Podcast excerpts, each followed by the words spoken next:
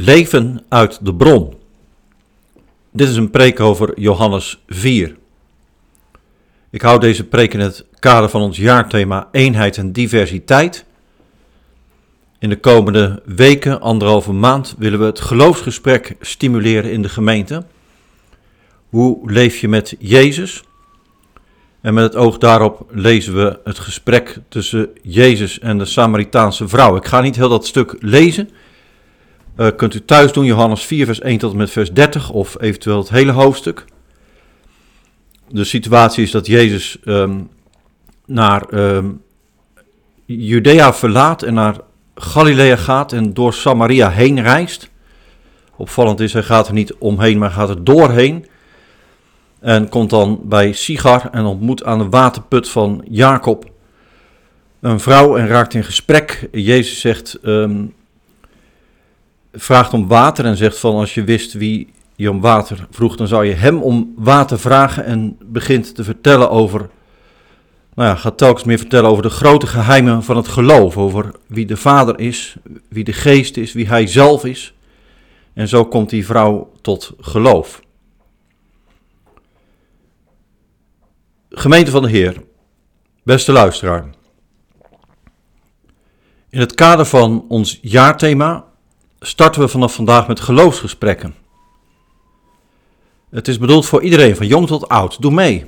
Na een startzondag over het jaarthema een gemeenteavond, verschillende andere diensten, ouderendienst, jongvolwassenendienst, is het nu tijd voor het geloofsgesprek. Wat is je bron? Wie is je bron? Het is fijn en het is belangrijk als dit gesprek gemeentebreed plaatsvindt.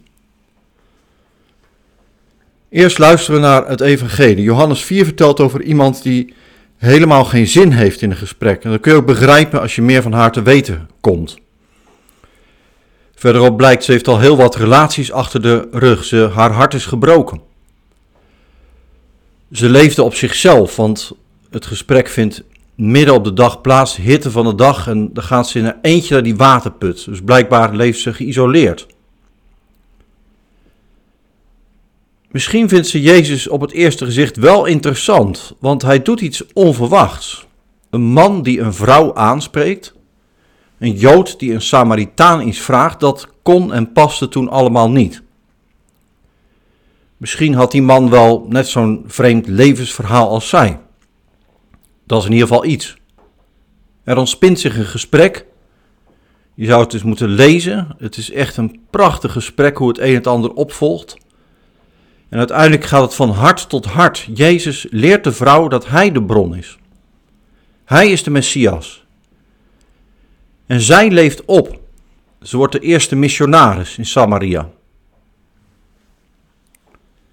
Misschien zeg je, het is niet zo slim om, als we met elkaar het geloofsgesprek aangaan, om dan te beginnen met iemand die helemaal geen zin heeft in een gesprek. Dat is een soort anti-reclame.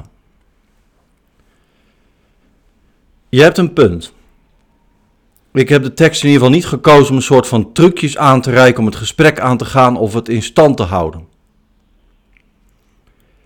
Nee, Johannes 4 leert je, voordat je met elkaar spreekt, eerst op te kijken. Naar Jezus. Johannes is de evangelist bij uitstek die in alle helderheid getuigt dat Jezus God is. Het evangelie begint en met die bekende zinnen van in het begin was het woord, het woord was bij God, het woord was God. En dat woord is mens geworden. En het evangelie eindigt met de belijdenis van de ongelovige Thomas. Mijn Heer, mijn God. Daarvan getuigt Johannes. God zoekt in Jezus de wereld op, zijn wereld. Deze vrouw. Jou. Mij. En ja, dan kan er van alles en nog wat aan de hand zijn in je leven, zoals ook bij deze Samaritaanse vrouw het geval is. Dat kan twijfel zijn of een bepaalde zonde, zekerheid, onzekerheid, geen zin hebben. Johannes 4 maakt duidelijk dat God je kent en dat hij dat laat merken. Je bent zijn mens. Het gesprek tussen Jezus en die Samaritaanse vrouw is onthullend. Je merkt dat er vaak veel aandacht is voor de analyse hoe Jezus stap voor stap tot de kern komt. Een soort gesprekstechniek. Of dat er wordt gekeken naar ja, hoe die vrouw opbloeit. dat is allemaal waar, het is allemaal belangrijk. En daar kun je les uit trekken voor een gesprek. Maar echt bijzonder is dat Jezus zichzelf vanaf het begin centraal zet. Als je er goed naar kijkt, is het eigenlijk niet eens een gesprek. Het doet denken aan Johannes 3, de ontmoeting tussen Jezus en Nicodemus, waar Jezus ook direct, net als hier, het heft in handen neemt. Hij zegt tegen de vrouw die hij om water vraagt: Als je wist wie je om water vraagt, zou je hem erom vragen. Jezus is de bron. Jezus zet, je kunt het nog scherper zeggen, Jezus is de toon van het gesprek. Het water dat hij geeft, dat gaat over de geest. Lees Johannes 7 vanaf vers 37. In Jezus worden profetische vergezichten over een nieuw leven door Gods geest werkelijkheid. Ezekiel, Jeremia. Zo spreekt Jezus zelfs over het geheim dat de kerk later Gods drie eenheid is gaan noemen. Als de vrouw begint als een soort van escape over een plek waar je God aanbidt, dan hoor je dat. Jezus spreekt niet over God aanbidden. Jezus zegt dat wie de Vader echt aanbidt, hem aanbidt vervuld van geest en waarheid. Vers 23. Johannes 4 maakt duidelijk, nu is de tijd gekomen om God zo te kennen, te zien wie hij werkelijk, waarlijk is in Jezus. Zoals Jezus zegt dat nu de tijd begonnen is dat de doden naar zijn stem zullen horen en uit het graf opstaan, Johannes 5. Nu, nu is het moment voor die vrouw, voor jou en mij, want het woord dat God is, is mens geworden. De tijd van het geloof is gekomen. De bron waarvan de psalmen al zingen, denk aan Psalm 36, gaat volop stromen. We zingen in de diensten dan ook Psalm 36, in de bewerking van Sela, mooie bewerking, maar ook in de nieuwe psalmruiming. Gemeenteluisteraar, hoe mooi, hoe onthullend is Johannes 4.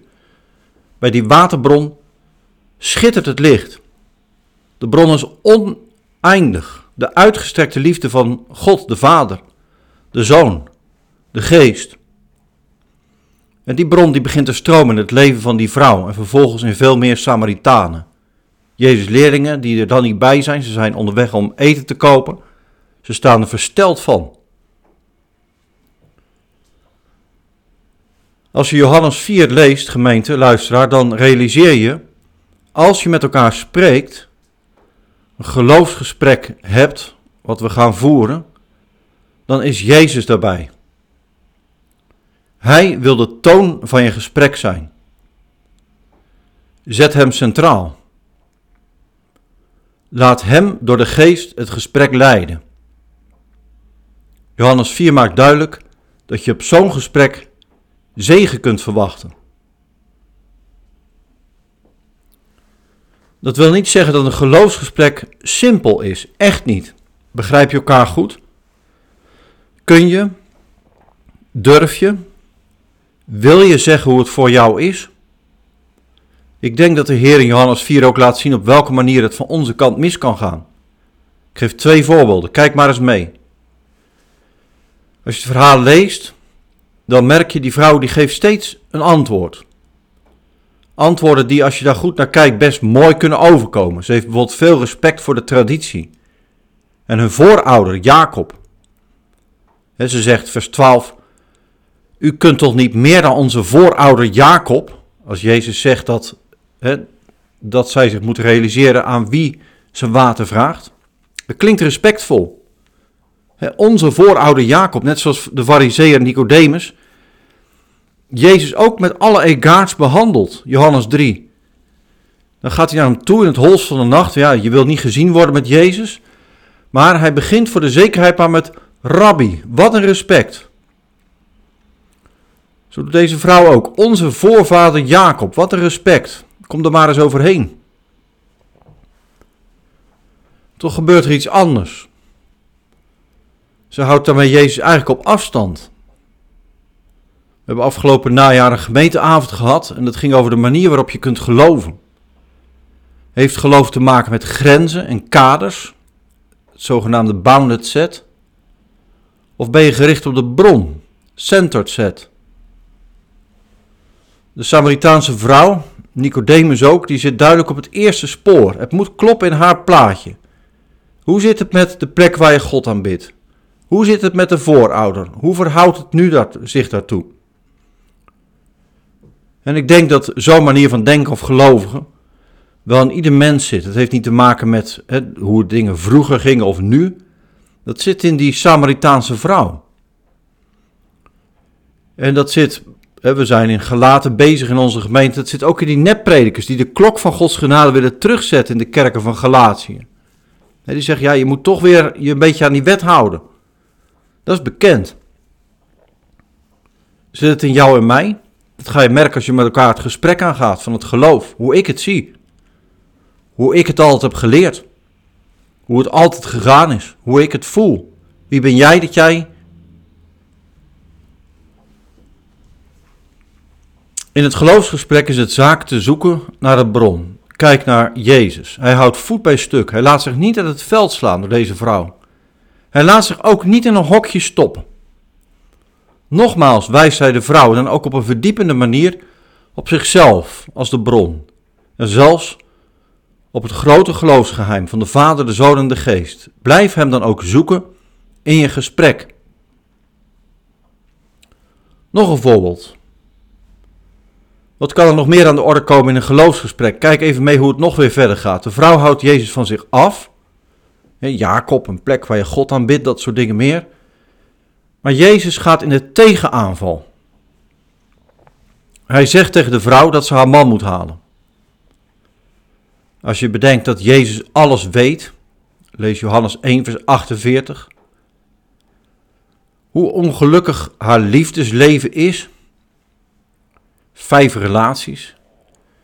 Dan zou je kunnen denken dat dit, ga je man eens halen, dat het een steek onder water is, een rotopmerking. Maar in het licht van de Bijbel is aan iets anders te denken. De Bijbel zegt dat God de enige bron is, Psalm 36. Hij geeft leven, geluk, goedheid. Hij is de zin van je bestaan. Maar mensen vergeten God, keren zich van hem af, gaan vervangers zoeken. Je zoekt de zin, de invulling van je leven in iets anders, in iemand anders, in zekerheid, geloofszekerheid, wie je bent, wat je kunt, liefde, bestaanszekerheid, een fijn leven. Het zijn allemaal goede dingen, maar het is niet God. God zegt het zo in een profetenboek. Als Gods volk afgoden achterna loopt. Jeremia 2. Het volk heeft mij, namelijk God, verlaten, de bron van levend water en het heeft waterkelders uitgehouwen, kelders vol scheuren, waarin het water niet blijft staan. Zie je dat? Je hebt water nodig, zegt de Bijbel. Dat wil zeggen invulling, zin van je leven. En dat snijdt Jezus aan bij die waterput van Jacob. Waar vindt die vrouw de zekerheid, de invulling van haar bestaan? Is dat in de traditie? Voor ouder Jacob? Is dat in haar relaties?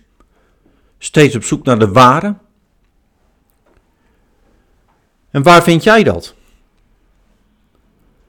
Ik denk dat het geloofsgesprek ook hierover gaat en dat is niet niks. Bij die waterbron zegt Jezus dat Hij de ware is, de enige. Als de vrouw naar haar buurtgenoten teruggaat, zegt ze dat Jezus alles van haar weet. Blijkbaar is dat voor haar geen probleem. Ook niet als het gaat over wat er misging of misgaat in haar leven. Het is geen probleem, want ze staat in het licht. Het is oké. Ze is gevonden. Ze is nieuw geworden.